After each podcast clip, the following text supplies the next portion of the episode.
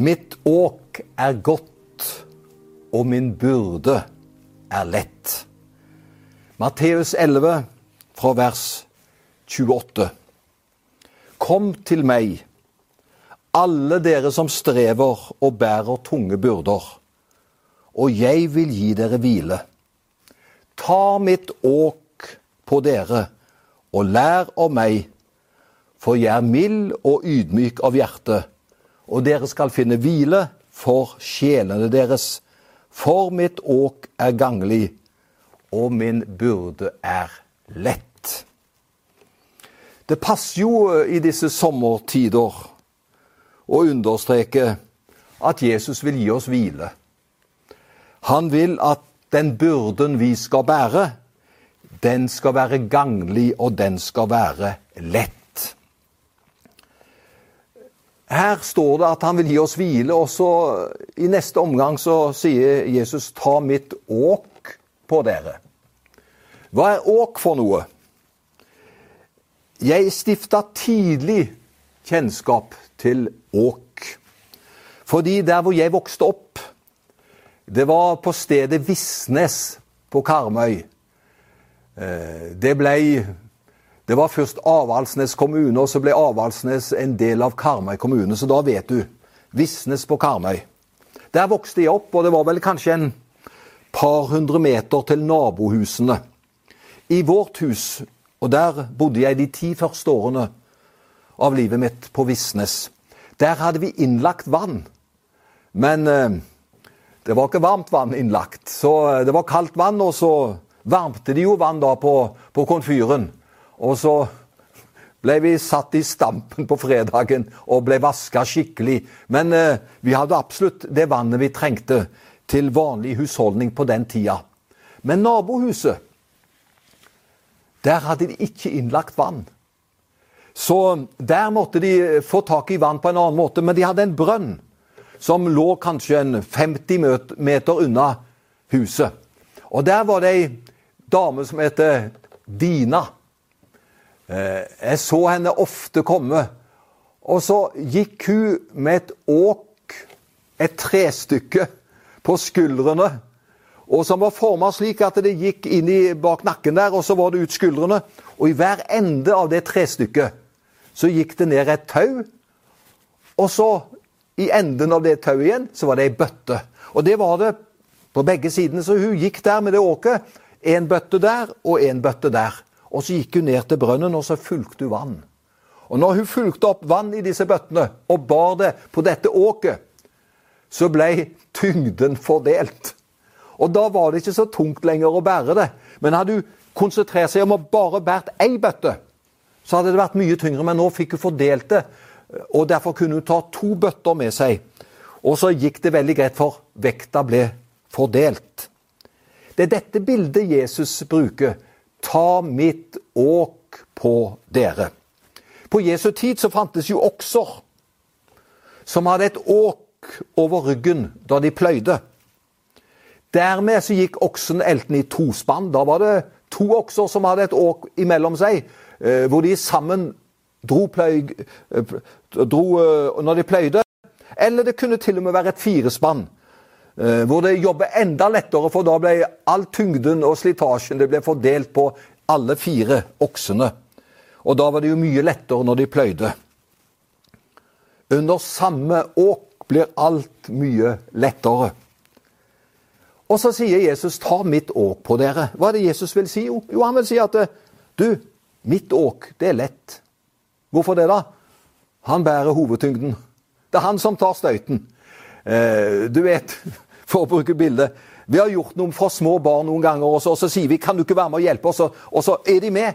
Men de tar jo ingenting av støyten. Vi tar alt. Og så er de bare på, les, på, leks, på lesta med. De er bare med på leken, men de tar ikke noen byrder. På samme måte er det. Det er Jesus som bærer byrden. Det er han som tar det tunge taket. Og så får vi bare være med sammen med han under hans åk. Men det vil jeg si Kjører vi åket alene, altså tar vi vår byrde alene, ikke får hjelp til den, så kan den være veldig tung. Men så kommer, sier Jesus her, Kom til meg, dere som strever og har tungt å bære, og jeg vil gi dere hvile. Og så tar dere mitt åk på dere. For min byrde er lett, og mitt åk er ganglig.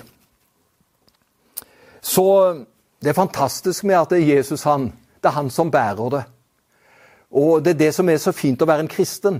Det er ikke snakk om hva vi skal gjøre, hva vi skal prestere. Han har gjort det. Han har båret det. Vi er bare inn under samme åk som han. Men det er han som tar støyten. Det er han som gjør det. Og så vil han gi oss hvile. Og jeg håper at ditt og mitt kristent liv er ikke et kristent liv i kav og mas og strev.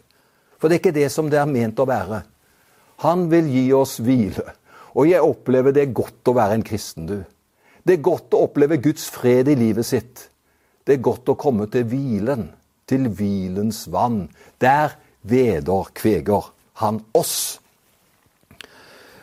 Da Jesus hadde vært 40 dager på jorda etter sin oppstandelse eh, Han gjorde masse ting de 40 dagene mens han var på jorda etter sin oppstandelse.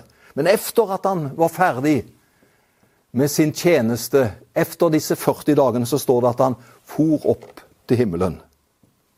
Og hva gjorde Jesus da han for opp til himmelen?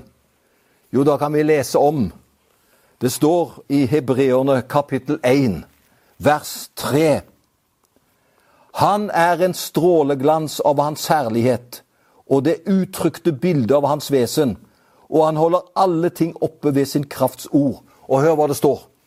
Da han ved seg selv hadde gjort renselse for våre synder, satte han seg ved majestetens høyre hånd i det høye. Altså Det første Jesus gjør etter at han har uh, kommet opp til himmelen, han setter seg. Han setter seg ved Guds høyre hånd i det høye. Og I Hebreerne 8, vers 1, så står det også noe lignende. Dette er hovedsaken i det vi sier her. Vi har en slik øverste prest som satte seg ved høyre siden av majestetens trone i himmelen. Altså, Da Jesus for opp til himmelen, så satte han seg. Og jeg vil bare si det så enkelt. Hvorfor kunne Jesus sette seg da han kom til himmelen? Jo, nå var han ferdig med arbeidet. Nå var han ferdig med alt som skulle gjøres. Han hadde sona våre synder. Han hadde betalt for oss.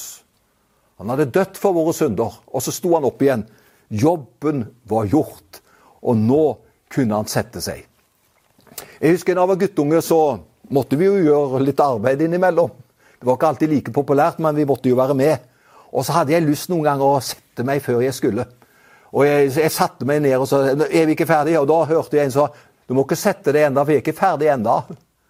Men når vi var ferdig med jobben, da var det fantastisk godt å få sette seg, og da visste man nå har man gjort det som skulle gjøres. Det er det som er bildet med Jesus. Han har gjort alt som skal gjøres. Og så står det at han satte seg ved Faderens høyre, ved hans trone.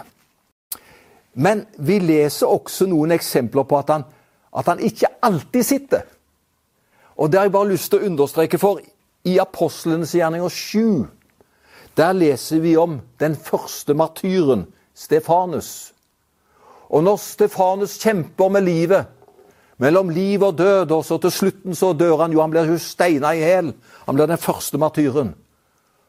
Og da sier Stefanus like før hans liv her på jorden er over, så sier han Jeg ser Jesus stå, står det, foran Guds trone.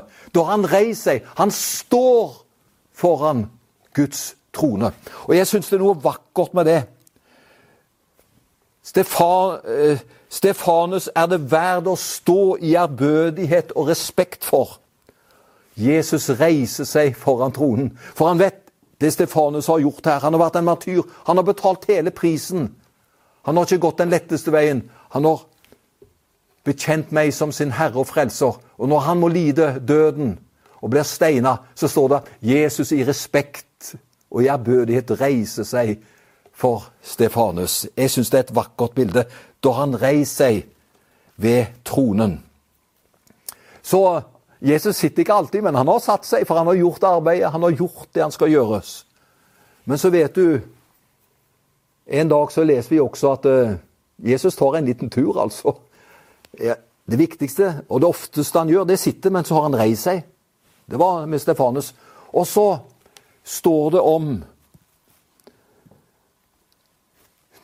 Saulus som forfølger Guds menighet. Og uh, han har fått fullmakt fra ypperstepresten og det høye rådet i Jerusalem til å gå til Damaskus for å fengsle og arrestere og i neste omgang drepe de kristne. Og Da tenker nok Jesus at det er for hardt for disipler å gå i rette med Saulus. Så, sier, så tenker nok Jesus han skal jeg ta sjøl.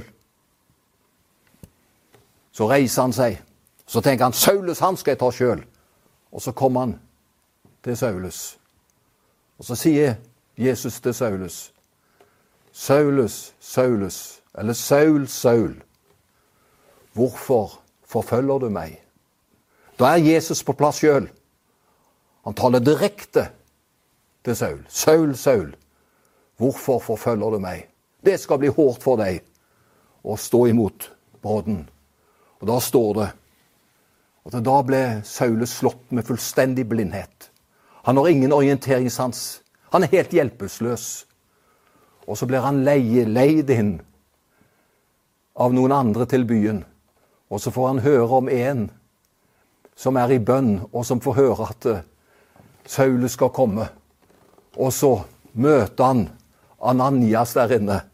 Og så får Ananias forkynne budskapet til Saulus og han blir omvendt, og han blir frelst. Det er jo fantastisk.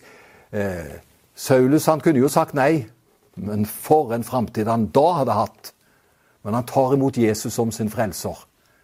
Jesus tar han sjøl, kommer ned, og så opplever han at eh, han får synet tilbake igjen. Og Paulus får en fantastisk tjeneste. Og han får være med og, og, og, og gjøre rede for og gjøre plassen åpen for at mange kan ta imot Jesus som sin frelser. Det er det som er min hilsen til oss i dag. Jesus har satt seg. Hans jobb er ferdig. Han sitter ved Faderens høyre. Og så reiser han seg, og så noen ganger så er han i aksjon her og der. Men det er så godt at vi kan hvile i det han har gjort. Jeg vet ikke hvordan du har det. Mange sliter, mange har tunge byrder. Men så vil han gi oss hvile. Og det er nok, det Jesus gjorde. Og nå skal jeg avslutte. Du vet at Jeg er jo ingen sanger, men jeg kan jo lese en sang. Og jeg skal lese en veldig flott sang som er så evangelisk og klar. Eh, det er en sang som forteller at Jesus han har gjort alt. Derfor har han satt seg. Det er Trygve Bjerkreim som har skrevet den sangen. Og jeg vil sitere den. Det er nok, det som Jesus gjorde. Det er nok, det som han har sagt. Han har sona de synd den store, og de vunnet så rein en drakt. Det er nok, det som Jesus gjorde. Om av syndere størst du er. Du er beden til bryllupsbordet, også deg har din frelser kjær. Nei, du trenger ikke lenger tvile, for Hans nåde er nok åt deg. På et fullført verk får du hvile, og så ferdas med fryd din veg. Det er nok, det som Jesus gjorde. Det i døden og dommen gjeld. Vi vil bygge på nådeordet. Det er berggrunn som evig hell. Jesus han tar imot oss. Han møter oss. Og så forteller han oss i dag det jeg har gjort, det er nok. Skal vi be. Takk, Herre, for at vi trenger ikke legge noe til eller trekke noe fra. Takk at frelsen er fullkommen, og takk at dette har du gjort for oss. Og Nå ber jeg at dette skal bli en god dag for oss. At dette skal bli en god ferie fortsatt. Takk for din velsignelse og for ditt nærvær over oss alle. Så skal du få lov å ta imot velsignelsen. Herren velsigne deg og bevare deg. Herren la sitt ansikt lyse over deg og være deg nådig. Herren løfte sitt åsyn på deg og gi deg fred. Amen.